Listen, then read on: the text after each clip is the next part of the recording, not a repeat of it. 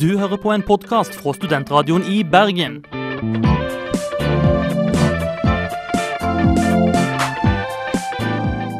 Denne og mange andre flotte podkaster finner du på podkast.srib.no.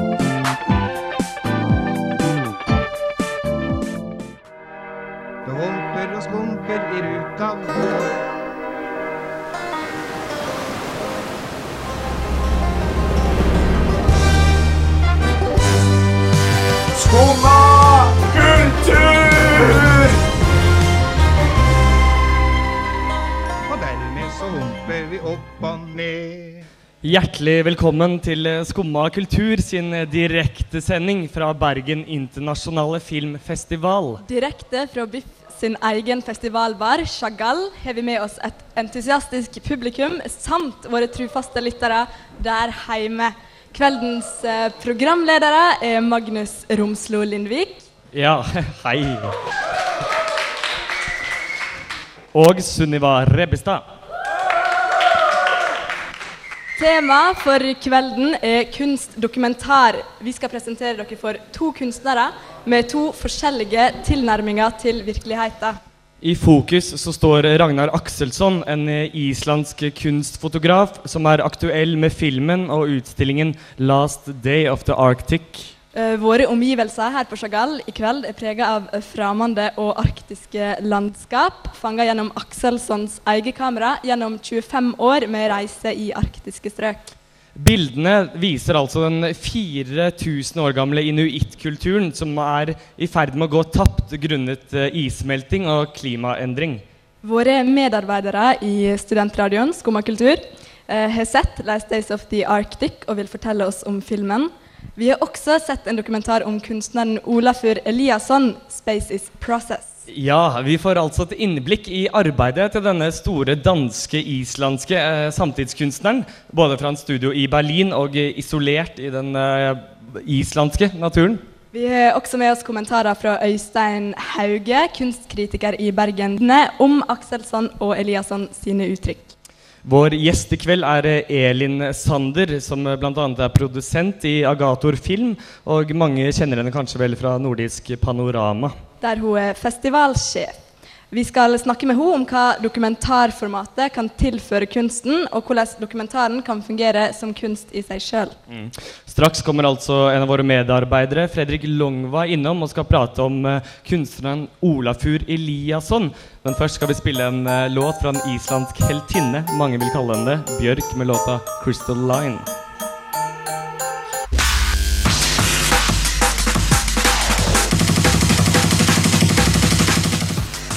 Altså Bjørk med låta 'Crystal Line', og straks kommer eh, Fredrik Longva, i, ikke i studio, men i lokalet, og skal prate om Olafur Eliasson 'Space Is Process'. What is it that makes a space productive? What is it that makes a space, uh, you know, challenging and exciting and?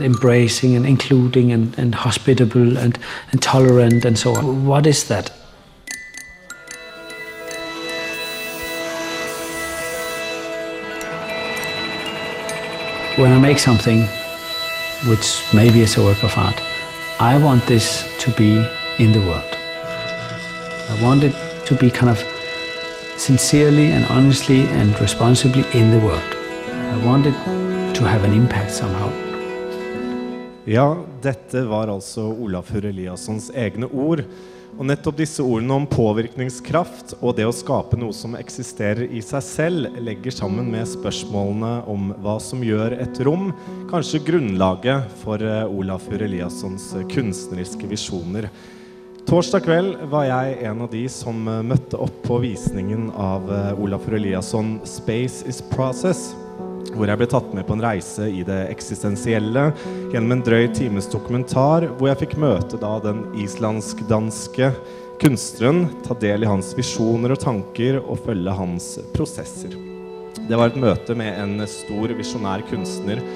Og mye av kunsten hans handler om det å møte andre. At gjennom andre så kan man møte seg selv.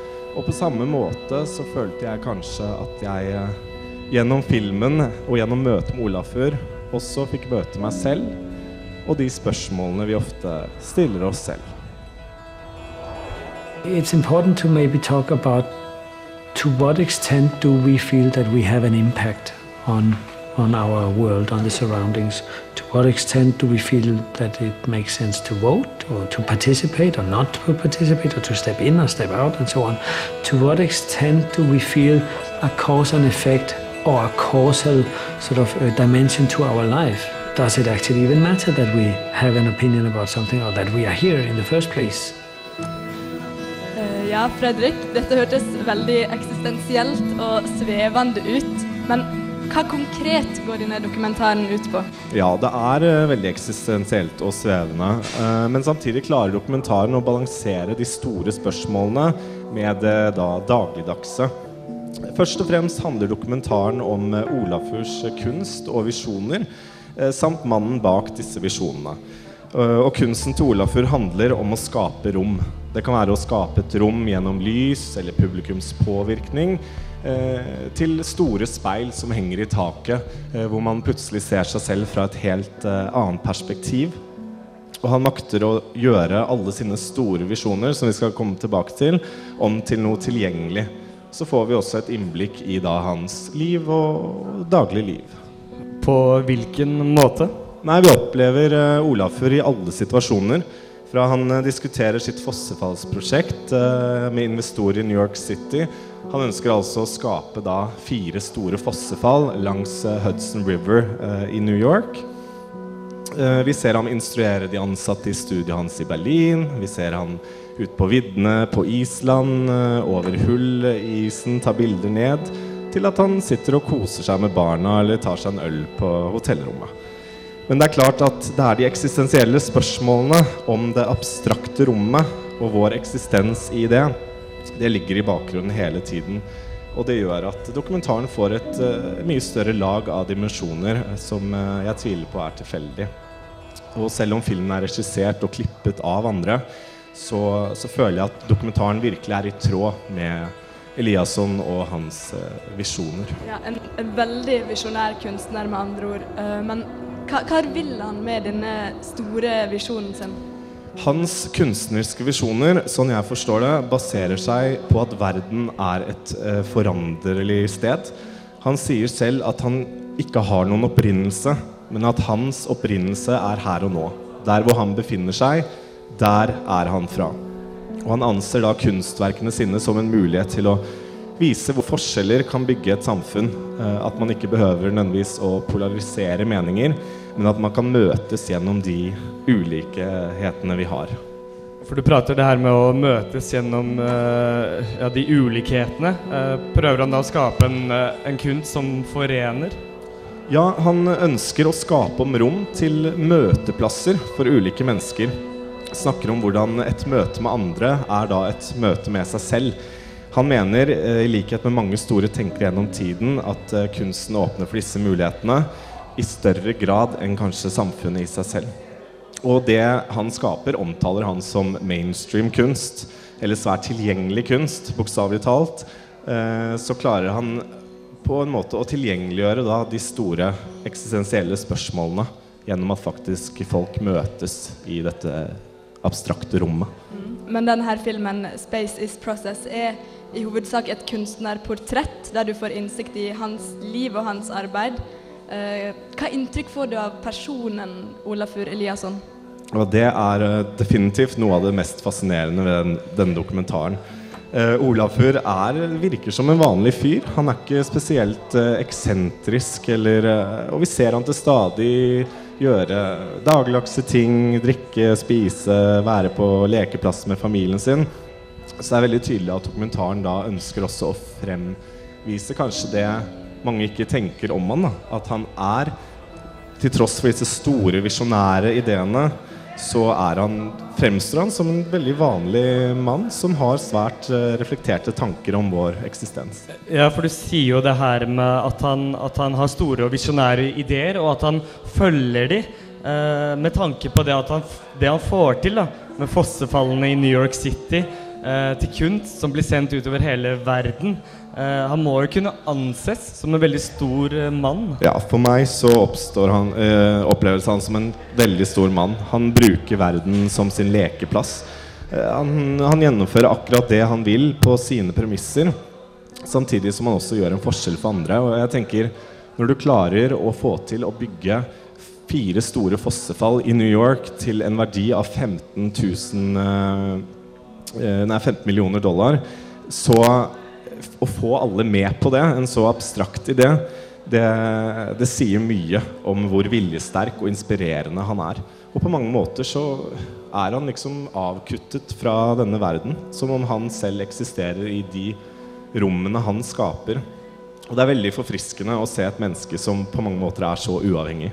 Men nå har jo altså Olafur og hans store visjoner eh, blitt putta inn i en dokumentarfilm. Og Hvordan, eh, hvordan syns du det her fungerer rent filmatisk? Det er, eh, den er veldig under, og det gir rom for eh, mye ettertanke. Eh, spesielt slutten er jo eh, på mange måter, uten at jeg skal røpe for mye, et rom for eh, ettertanke. Og man trekker på smilebåndene til tider og ler fordi det er humoristiske situasjoner som oppstår. Tusen hjertelig takk til vår medarbeider Fredrik Longva, som kom og prata om den visjonære kunstneren Olafur Eliasson. Vi skal straks eh, gå videre til Øystein Hauge, kunstkritikeren i Bergens Tidende, høre hva han mener om kunstneren. Men først låta 'Best Coast', 'When I'm With You'.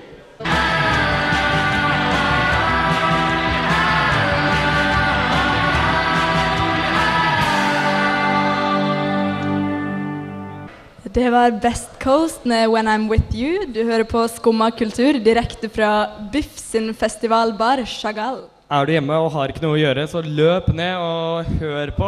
Absolutt. Vi lover deg en god sending videre. Men eh, nå er vi i ferd med å ta for oss den dansk-islandske kunstneren Olafur Eliasson. Eh, I går så ringte vi Øystein Hauge, kunstkritiker i Bergens Tidende, for å få en klarere idé om hva som gjør Eliasson sin kunst så særegen. Olafur Eliasson, eh, Eliasson har jo, har jo eh, syslet med, med de helt store spørsmål. Da. Altså dette, det, det, det er jo en, en slags uh, hybris-mentalitet uh, knyttet til, til mange av, av hans uh, installasjoner. Altså det, det, er nesten noe, noe, altså noe ontologisk. Noe, noe, hvordan er det vi ser? Hvordan er det vi lever? Altså, hva, hva, vil det si å leve? Hva vil det si Jeg mener jo dette store solprosjektet hans i, i Tate Modern uh, som, som, det har gått gjeter om, og det finnes bilder av i, i, flere referanser, er jo det er jo nærmest en skapelsesberetning. Altså en, en, en setting med mytologiske referanser da, som, som jeg tror veldig mange kjenner seg igjen i. altså kjenner på kroppen at, at dette er en type viktig det er en viktig beskjed. Det er, en, det er, det er et viktig uttrykk som, som ligger i, under den overflaten her. Da. Ja, Eliasson lever jo opp til denne forestillinga om et stort visjonært kunstnergeni. Samtidig så eh, sier Eliasson at kunsten hans ikke skal være elitistisk, men heller åpen og inkluderende. Kunstkritiker Hauge synes dokumentaren om Eliasson synliggjør nye sider ved kunstnerens arbeid.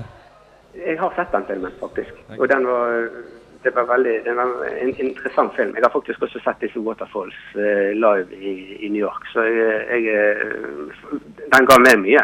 Og, og jeg synes det, det, sånn det er morsomt å se hvordan en kunstner kan, kan spre sin kreativitet ut på, på veldig mange hender og fremdeles beholde kontroll på det endelige resultatet. da. Så jeg synes den, den veien fra idé til, til megaprosjekt, den, den, er interessant å følge. Hvor mye mister han underveis? Hvor mye slagg blir liggende igjen på, på atelieret? Den store kladden som han på en måte har på forhånd, og, og, alle de kompromissene han må inngå, men likevel sitte igjen med noe substansielt. altså. Han snakker altså om veien fra idé eh, til eh, prosjekt. Men, men eh, dette, en kunstdokumentar som denne filmen er, Sunniva, den kan jo altså løfte fram veien til det ferdige kunstprosjektet? Ja, og det er samtidig med på å gi kunsten en helt ny troverdighet, fordi du får se arbeidet bak, prosessen bak det han gjør. Samtidig får du se dagliglivet hans, og at han faktisk virkelig mener og vil noe med disse store visjonene sine. På den andre sida kan jo dokumentarmediet påvirke hvordan vi forholder oss til kunsten hans. da. Eh, For som seer så kommer vi jo ikke på samme måte i direkte og umiddelbar kontakt med verket hans, som jo faktisk er ganske sentralt i hans kunst. Ja, eh, det her kan jo være med på å gi Eliassons eh, sine kunstneriske visjoner mer eh, Gjøre de mer troverdige, rett og slett. Han, han ønsker å lage inkluderende verk som alle kan kjenne seg igjen i. Det som er felles da, for menneskene. Ja, Men samtidig så er verket hans veldig opptatt av å vise fram illusjoner. da, At du skal oppleve illusjonene og framheve dem. Og når du da viser dem på en dokumentarfilm, så blir de jo kanskje avkledd før du rekker å komme inn i den illusjonen. Ja, for gjennom uh, dokumentarfilmen så risikerer man kanskje å avvikle illusjonene uh, i verkene hans før man får rett og slett sjansene til å oppleve det. Det er jo det mye av Eliassons kunst handler om. Ja. Hvordan, kan, uh, hvordan påvirker egentlig dokumentarformatet kunsten, og hva kan det tilføre? Hva funksjoner skal dokumentaren ha i møte med kunst? Dette skal vi diskutere videre med vår gjest Elin Sander, da, eh, produsent i Agitator Film, etter ukas album 'Pelbo' med 'Join Their Game'. Ukas album på studentradioen i Bergen, Pelbo, er fra Trondheim faktisk, med låta 'Join Their Game'. Med oss har vi fått Elin Sander, som er her og skal prate litt om kunstdokumentaren. Hjertelig velkommen, Elin. Takk skal du ha. Eh, Når en snakker om kunst og dokumentarfilm, så blir jo spennviddet med en gang kjempestort. Altså Du har alt fra faktaorienterte filmer til uh, mer sånn institusjonskritisk film, eller eh, dokumentarfilm som er kunstnerisk i seg sjøl, og så er det kunstnerportretter, som vi snakka om i dag, om uh, Olafur Eliasson. Mm. Er det lang tradisjon for dette innen dokumentarsjangeren? Ja, altså Kunstnerportrettene er det jo masse av. Eh, og mange av de er jo mer streite portretter som på en måte viser verket eller presenterer kunstnere med intervjuer og sånn. Mer tradisjonell TV-dokumentar. Og så har du òg eh, dokumentarfilmer, kunstnerportretter, som på en måte løfter seg opp i en annen divisjon, der formen og måten filmen lages på, er mer i, bevisst i forhold til kunstnerne. da. Som, og den type dokumentar, kunstnerdokumentarer syns jeg kanskje er mer interessant. At filmen i seg sjøl reflekterer også kunstneren og kunsten. Mm. Har du noen eksempel på det her? Ja, det er så vanskelig å huske eh, navn. Jeg så en, eh, en nylig, og nå har jeg glemt hva de heter, eh, et eh, kunstnerpar. Det er en film som heter 'How Are You'. Eh, som handler om både personene og deres forhold til hverandre og utvikling, sam, samtidig som man følger kunsten på en måte i denne utviklingen. Eh, ja. Jeg, det å velge eksempler er kanskje litt vanskelig, fordi jeg var litt uforberedt på det spørsmålet. Helt fint. Eh, hva er det egentlig med dette dokumentarformatet som åpner slik for kunstfeltet? Altså, Dokumentarfilmen møter jo ofte et annet publikum enn det som går på eh, Eller befinner seg på kunstarenaen. da. Så på den måten så vil jo kunsten komme ut til nye publikum, som selvfølgelig er eh, i kunstens interesse òg. At eh, man når et nytt publikum som da kanskje kommer og opplever kunsten. Men sånn som du sa i sted med at du kanskje avslører for mye, at kunsten mister litt av mystikken sin, det er jo kanskje en negativ følge av det. da. Mm, men du nevnte også med at man fulgte det her kunstnerparet over tid. Mm. Kan dokumentarfilm på en måte bidra til det mer, kanskje den mer eh, prosessuelt orienterte samtidskunsten? Ligger noe der? Jo, men det er jo sånn at eh, Dokumentarfilm kan jo eh, både følge kunstnere gjennom en prosess, men det kan også gå tilbake i tid og på en måte gi et bredere bilde av kunstneren og kunstens tilblivelse. Eh, og så har du jo selvfølgelig kunstnerportretter, mm, eller at du kan eh, bruke kunstnere som er døde, f.eks. Altså at du har de historiske kunstnerportrettene, som også på en måte åpner opp for en ny forståelse kanskje av kunstneren. Og Da kan man jo trekke selvfølgelig parallell til biografier, eh, som også eh, kan gi, kaste nytt lys over kunsten og kunstnerne i ettertid. For Du snakker litt om det her med kunstnerportrettet, eh, altså vise mennesket bak kunsten. Eh, hvordan på en måte skal man se på det? Er det en ukritisk hyllest? Er det en reklame? Man kan, jo gjøre, kan jo gjøre det i en markedsføringssammenheng. Jeg vet ikke hvor interessant akkurat jeg syns det er. Eh, jeg liker jo filmer der man får kanskje en konflikt eh, får frem konflikter og, eh, både mellom kanskje filmskaperen og kunstneren, men også konflikter i, i kunsten.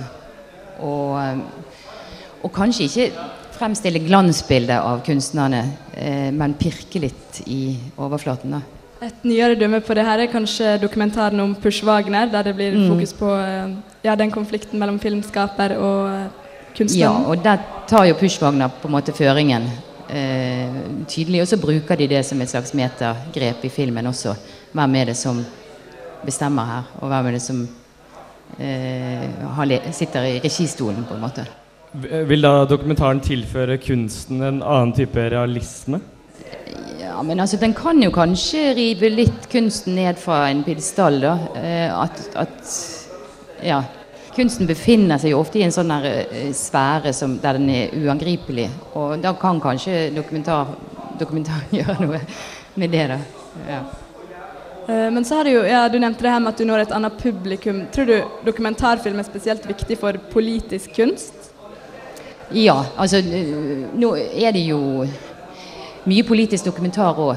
Og aksjonistdokumentarer og aksjonskunst også. Så der fungerer jo det veldig godt sammen. At dokumentarfilmen i seg sjøl kan være et ledd i kunstnerens aksjonisme. da. Eh, og så er det etter hvert med nye medier og sånn, så sprer jo film seg veldig raskt på nettet. Og det er fort ute over hele verden til store grupper av publikum. Ja, for En dokumentarfilm er jo mye lettere å distribuere enn en f.eks. for eksempel skulptur. Yes, det er det absolutt. Eh, relativt nytt på VIF-programmet i år er dokumentarfilmer i 3D. Mellom annet Mm. den Pina som viser samtidsdans, og så er det 'Cave of Forgotten Dreams' av Ja. Werner Herzog. Ja. eh, om disse eh, eldste kjente hullmalerier eh, i Frankrike. Så det er altså to 3D-filmer som er dokumentar og tar for seg kunstformer. da. Ja, altså Der har du jo regissører som er kunstnere, eh, virkelig, og har gjort mye film. Og, og jeg forstår jo veldig godt at de har lyst til også å prøve seg på 3D-formatet. Og at det er mulig å gjøre i dokumentarfilm. Selvfølgelig er det det, men det krever en annen type planlegging og en Ja. Det, det er noen dokumentarer som antageligvis egner seg for det. Men jeg har jo jeg vet ikke, Kanskje jeg er gammeldags, men jeg har jo litt på følelsen at 3D er et blaff fortsatt. Så jeg vet ikke. Jeg tror ikke det kommer veldig mange dokumentarer på 3D eh, i, i, med det første, i hvert fall. For hva konsekvenser får denne 3D-en for realismen i dokumentarfilmen? Nei, det, altså, jeg vet ikke om det er så mye realisme i dokumentarfilmen i 2D heller. Altså, dokumentarfilmen er jo en eh, bearbeidelse av virkeligheten, og ikke virkelighet i seg sjøl. Så om det er i 3D eller 2D, det tror jeg er likegyldig. Eh, bare man er litt klar over hva man vil. Og, det, og du ser jo at i fiksjonsfilm, hvis man skal ha en større grad av realisme i fiksjonsfilmen, så bruker man jo ofte litt sånn håndholdt kamera sånn for å få en dokumentarfølelse. Men det er jo ikke dokumentar for det. Så det, det, det har noe med ja, hvilken følelse man har lyst til å gi publikum. Hva tror du kjennetegner dokumentaren som et kunstnerisk uttrykk? Altså Det er mange kjennetegn, men jeg mener at det er veldig forskjell på på den journalistiske dokumentaren, som jeg mener er mer reportasje, og som har eh, presseetiske eh, retningslinjer og krav til objektivitet og sånt tull, eh, som jeg ikke tror man kan få til uansett. Men eh, den kreative dokumentaren har jo eh, helt klart et ståsted og, er et uttrykk for eh, filmskaperens budskap. Eller, ja. Vi skal eh, snart ta for oss filmen eh, 'Last Days of the Arctic' eh, med de dokumentariske bildene til Ragnar Akselsson. Har du noen tanker om hva effekt man oppnår når man tar bilder som i utgangspunktet er dokumentariske, og så plasserer de inn i filmmediet? Jeg syns jo den filmen er fantastisk flott. Og det er klart at man får jo, i en kinosal i hvert fall, når man ser en sånn film, så får man jo virkelig en opplevelse av, av fotografiene også på en annen måte enn i et galleri. Altså Du får det store, og du får lyden, og du får hele opplevelsen. Så jeg tror det er en veldig flott måte å presentere foto på. Kunsten går altså gjennom flere kanaler. Hjertelig takk til Elin Sander fra Nordisk Panorama og produsent i Agitator. Ja.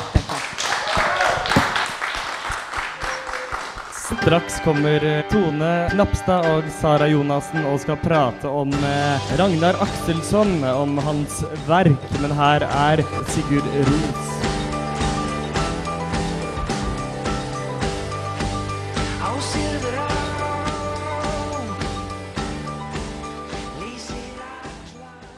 Hva kan man egentlig forvente av årets eh, program? Skal kulturen bare være et plaster på såret? Det går gjetord på Østlandet om at Bergen er en stor kulturby. Tyktflytende, en tanke bitter. Stipendiatens sprudlevann.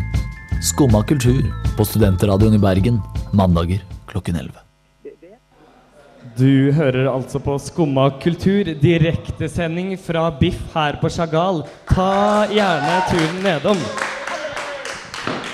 Låta du hørte, var altså Sigurd Ros, eh, islandsk lille, store stolthet, kan man vel si. Med oss har vi Tone Knapstad og Sara Jonasson, som har vært og sett uh, The Last Days of Arctic. Velkommen, velkommen. Tusen takk. Ja, uh, 'Last Days of the Arct Arctic' er da en film der vi følger fotografen Ragnar Akselsson. Uh, hans utvikling som fotograf, da. Eh, parallelt med at han reiser rundt med bønder og jegere på Grønland og Island. Uh, alltid vært opptatt av fotografi siden han var tenåring, og er i dag en meget anerkjent fotograf. Han var eh, fotograf for den islandske avisen Morgenbladet, altså Morgenbladet, men eh, han baserer jo sin kunst på dokumentarbilder. Han har eh, publisert flere viktige verk, bl.a. i uh, The National Geographic. Men nå er han altså ute med boka 'The Last Days of the Arctic'. Og eh, bildene i den kan du se utstilt her på Chagall i festivalbaren til eh, Biff. Eh, men hva er det Ragnhild vil formidle med filmen 'Last Days of the Arctic'? Han prøver jo med dokumentar å ha disse fotografiene for å fortelle en fortelling om fotografiene og forsterke dette her. Og disse menneskene som han bruker i fotografien, bruker han dokumentaren da, til å fortelle om undertekstene om disse miljøendringene som påvirker disse menneskene. Ja, for det er det han vil ha fram. Den, det er jo en stille bønn om at gjør noe med, med klimaendringene. Gjør noe mot med dem. Men eh, det, ikke, det kommer ikke så tydelig fram. Det ligger ganske subtilt unna. Og han stiller litt spørsmål til til de andre, men det er en veldig sånn vag ting. Og så tenker jeg selv ut fra Og tittelen er jo f.eks. ikke så veldig optimistisk. Ja, for han snakker ikke så direkte veldig mye om klimaendringene. Det, det stemmer. Eh, han har jo eksempel sånne stikk inn med at han på slutten så viser han, etter han har presentert hvordan isen blir tynnere og eh, at det skjer endringer som han har sett gjennom de mennesker som han har møtt, som lever veldig nært naturen da, og lever av naturen. De har merka det på kroppen. Det er mindre snø. Eh, det er mindre kaldt om vinteren og sånn. Og så Så Derfor blir det på en måte mer disse bildene som han har brukt flere år på å ta, og se tilbake til disse bildene og nå for å vise den underteksten med miljøendringene. Men det er ikke bare en miljøfilm.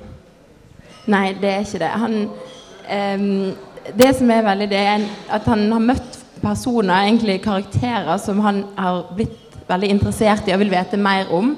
Veldig spesielle mennesker. Ja, veldig mange forskjellige og spesielle. Har dere eksempel på personer? Eh, Ja, eh, en person som heter Anna Martha, som jeg Ja. møter i, ut i ingen sted. En dame som rett og slett har en svær gård. Med 60 eh, hunder og like mange ender eller noe. Så han må på en måte, for å få et intervju med henne, så må han være med henne i flere timer for først bygge og fikse gjerder og gjerder etter gjerder. Ja, og for hver gang de tror de skal få endelig kaffen sin i intervjuet, så har hun alltid noe mer å, som de skal hjelpe til med på gården, siden hun er alene. Smart, smart uh, dame. Hva er det som uh, motiverer Akselsson til å gjennomføre disse prosjektene? Det er, ja, det er vel kanskje med hans sin egen barndom at han har på en måte brukt sin tid i sommeren på Island i åtte år, og så kommer han tilbake så ser han forskjellen, hva som har endra seg. Ja, for det er et fotointeresse fikk han da han om somrene var på en gård. Da. Eh, og eh, da fikk han veldig òg interesse for å fotografere og alle ansikter. Han så ansikt og lærte med myter og sagn å se masse rundt i naturen. Ja, Akselsson er veldig opptatt av ansikter, og han finner de overalt. Ja, Han finner de f.eks. i isberg. Og det han liker med disse ansiktene, er at de er der bare et øyeblikk før de forsvinner igjen. Og det er nok litt, Dette kommer ganske seint i filmen, da etter vi har sett hvordan verden forsvinner. Og det er jo akkurat det han foreviger med bildene sine et øyeblikk. Og det er samspillet mellom natur og ansikt.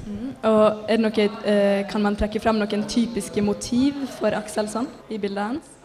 Ja, det veldig typiske som man ser på mange av de bildene som henger her, da, er jo en, et ansikt i, en, i sin naturlige, i sine naturlige omgivelser. F.eks. er det, det inuittbarnet som har eh, den, den eh, landsbyen i bakgrunnen, da, der de bor. Den jaktlandsbyen. For de fleste bildene på en måte har den naturen, men med et ansikt. For det er den ansiktet som skal fortelle naturen. Mm, og hva er det disse ansiktene forteller? De forteller at det er en endring, at de på en måte ikke kan leve den livsstilen som de tidligere har kunnet gjort. Vi møter jo jegere og bønder på Grønland og Island. Ja, og så vil han gi en hyllest. Det kommer fram at han, han mener at dette er veldig viktig kultur å fortelle om og ivareta, og at den er kanskje på vei vekk pga. naturforandringene. Og Derfor vil han da gi denne hyllesten og vise dem den respekten han mener de fortjener. Uh, for han går ikke bare på fysisk jakt, men han også går på jakt etter historier i sine bilder. Ja, for han jakter òg på dette bildet. Så han, når han skal fortelle en historie, så etablerer han først et vennskap med disse personene han vil fortelle om. Og før han begynner å fotografere dem, så han vil bli kjent med dem for å finne ut hva han vil framheve med dette bildet. Så han er på en måte med på en jakt? Med på å jakte noe, men så jakter han selv etter bildet? For vi prater om det som er veldig typisk med bildene hans. og Ragnar Akselsson han bruker bare svart-hvit, som han selv eh, sier er Han er veldig glad i denne metoden. Eh, og mange forbinder jo kanskje det svarte og hvite som noe tidløst. da. Eh, men denne klimaforandringen, hans historie, det er jo ikke noe som er tidløst. Nei, det er jo en liten ironi i det at han vil formidle Men det er jo òg det at han gjerne vil eller han skulle ønske det var tidløst, eller han vil vise det som noe viktig som var det, og gjøre kanskje bildet i det minste tidløst, om ikke det når det var tatt den tida er ikke tidløst, i hvert fall, så vil bildet kunne være det. Mm. Og hvordan, hvordan, fungerer det da når du tar disse bildene og løfter dem inn i dokumentarfilm? Lar det seg overføre til det store lerretet? Det blir jo at du forteller, det blir jo sterkere når du bruker eh, bilder i dokumentarer, for disse fortellingene forsterker jo rett og slett bildene mer. og det er jo ironisk når han sier selv at et bilde forteller mye mer enn ord, men likevel så blir disse ordene mye mer viktigere og punkterer poenget mer. Ja, for han er jo fotograf, først og fremst, og vi følger han på hans tur når han er ute og skal fotografere og bli kjent med mennesker, så vi får høre intervju med deg òg. Uh, eh, den fulle tittelen er jo 'The Last Days of the Arctic'. 'Capturing the Faces of North'. Hvem er egentlig disse nordiske ansiktet han prater om? Han vil ha fram det gamle og tradisjonelle. Da, så vidt det er mange bønder som har valgt å ennå leve på den gamle måten. Vi ser sauesanking i daler. De samler sammen tusen på tusen med sauer.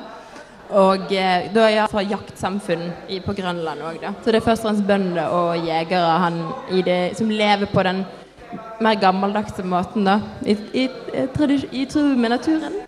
Tusen hjertelig takk til at dere kunne komme hit eh, på Chagall. Eh, Tone Knapstad og Sara Jonassen, en stor applaus.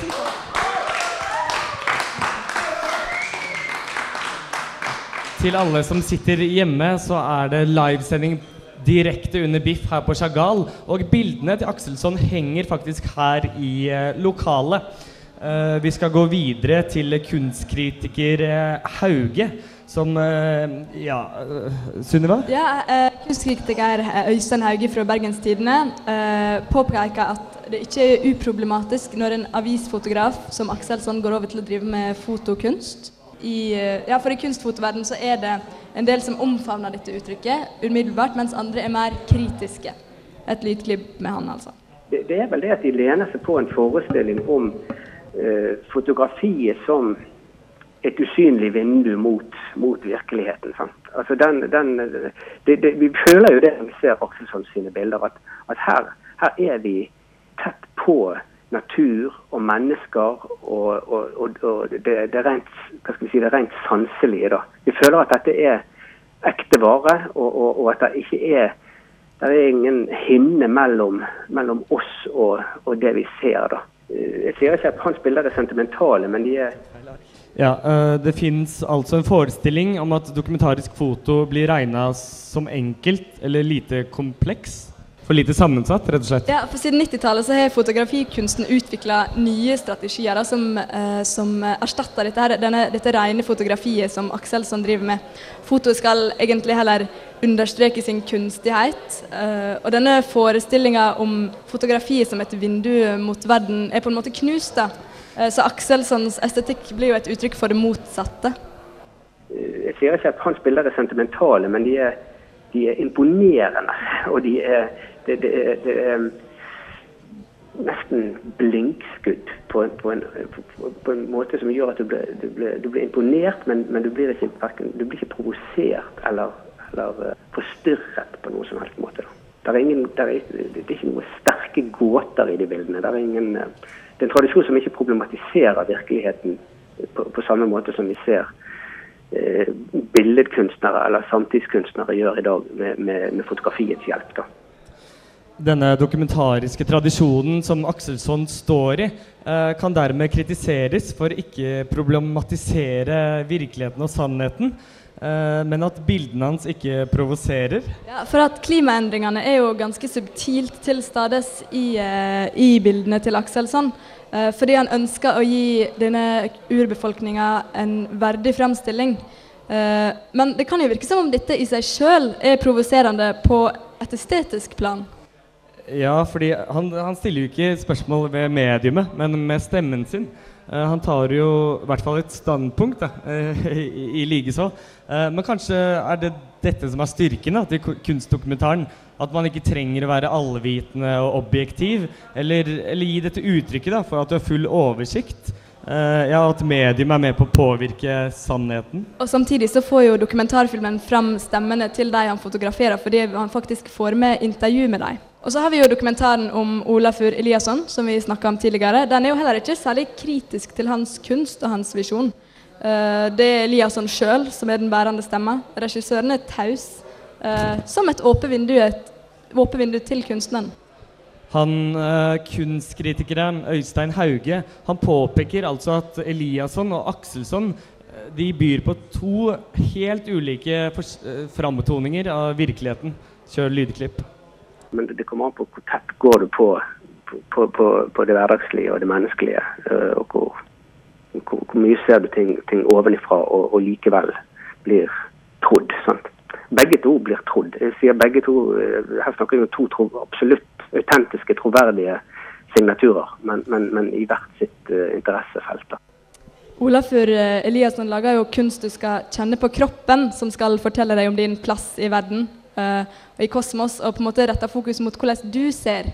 For Akselsson han har et mindre fokus på mediumet, eh, men det er jo et poeng her at veldig få har et direkte forhold til arktisk og inuittkulturen.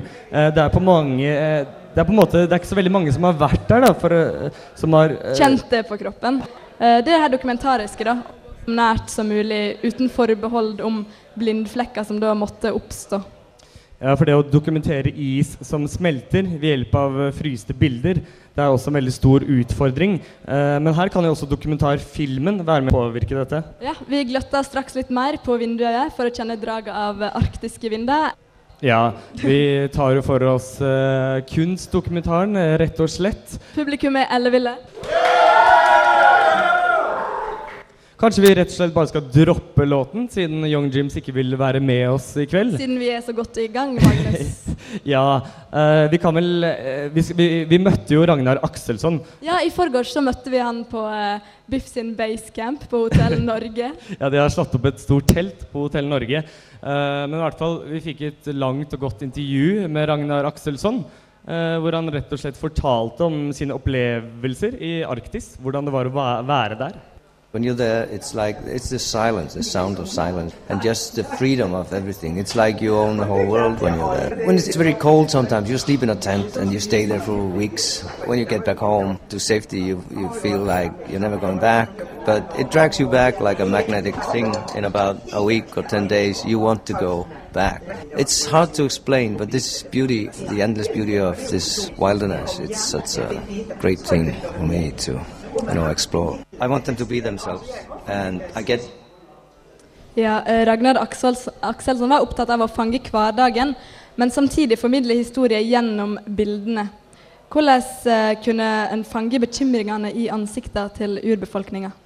Want them to be themselves, and I get want to get the anxiety in their faces when I've heard stories from them that like the ice is melting and all that. So I'm trying to capture that and show people that in this area there, there's life, there's a, a tradition, 4,000 year old tradition that is fading away. So I'm trying to, you know, get that moment in a picture. Ragnar han sier altså at det er arrogant å ikke bry seg om de menneskeskapte klimaforandringene.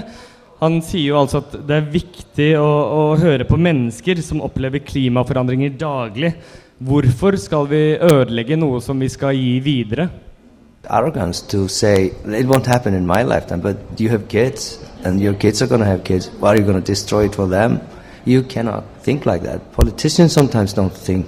Uh, I felt sometimes uh, like a fool on a hill. You saw the sun go down. They should listen to the fool on a hill sometimes and the people who are there. They saw it happen. Like the old man I, I met once in, in Greenland, and he was looking up in the, in the sky. And I asked my friend who was with me, "Why is he always out sniffing up in the air? What was he doing?" And he, he asked him what he was doing, and, and he just said, "There is something wrong. I don't know what it is. The glacier is sick."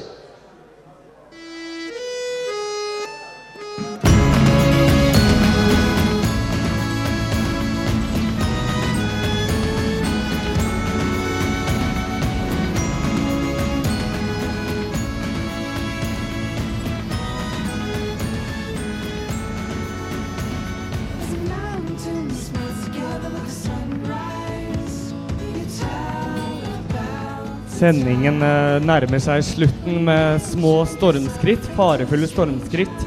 Vi har eh, tatt for oss kunstdokumentaren eh, her på Chagall i kveld. Ja, eh, Olafur Eliasson og Ragnar Akselsson har stått i sentrum med sine to vidt ulike tilnærminger til virkeligheten. Vi vil gjerne takke Elin Sander, produsent i Agidator og festivalsjef for Nordisk Panorama. Så vil vi takke kunstkritiker i Bergens Tidende, Øystein Hauge, for sine kommentarer. Takk våre vakre, flotte medarbeidere Fredrik Longva, Tone Knapstad og Sara Jonassen for at dere bidro i sendingen. Så må vi jo takke Ragnar Akselsson som stilte til intervju. Ja, bildene hans henger altså her på Chagall. Eh, vakre bilder. Vi takker vår tekniker Irene Anda og Jon Aksel Haukenes, som Vår sitter oppe store luftbaron. ja, som sitter oppe i lokalet. Og ikke minst vår produsent Knut Gigstad. Tusen hjertelig takk for oss, Chagall. Du hører sendinga på mandag klokka 11 på Studentradioen i Bergen. Ha en vakker bit videre. Her er Team Me.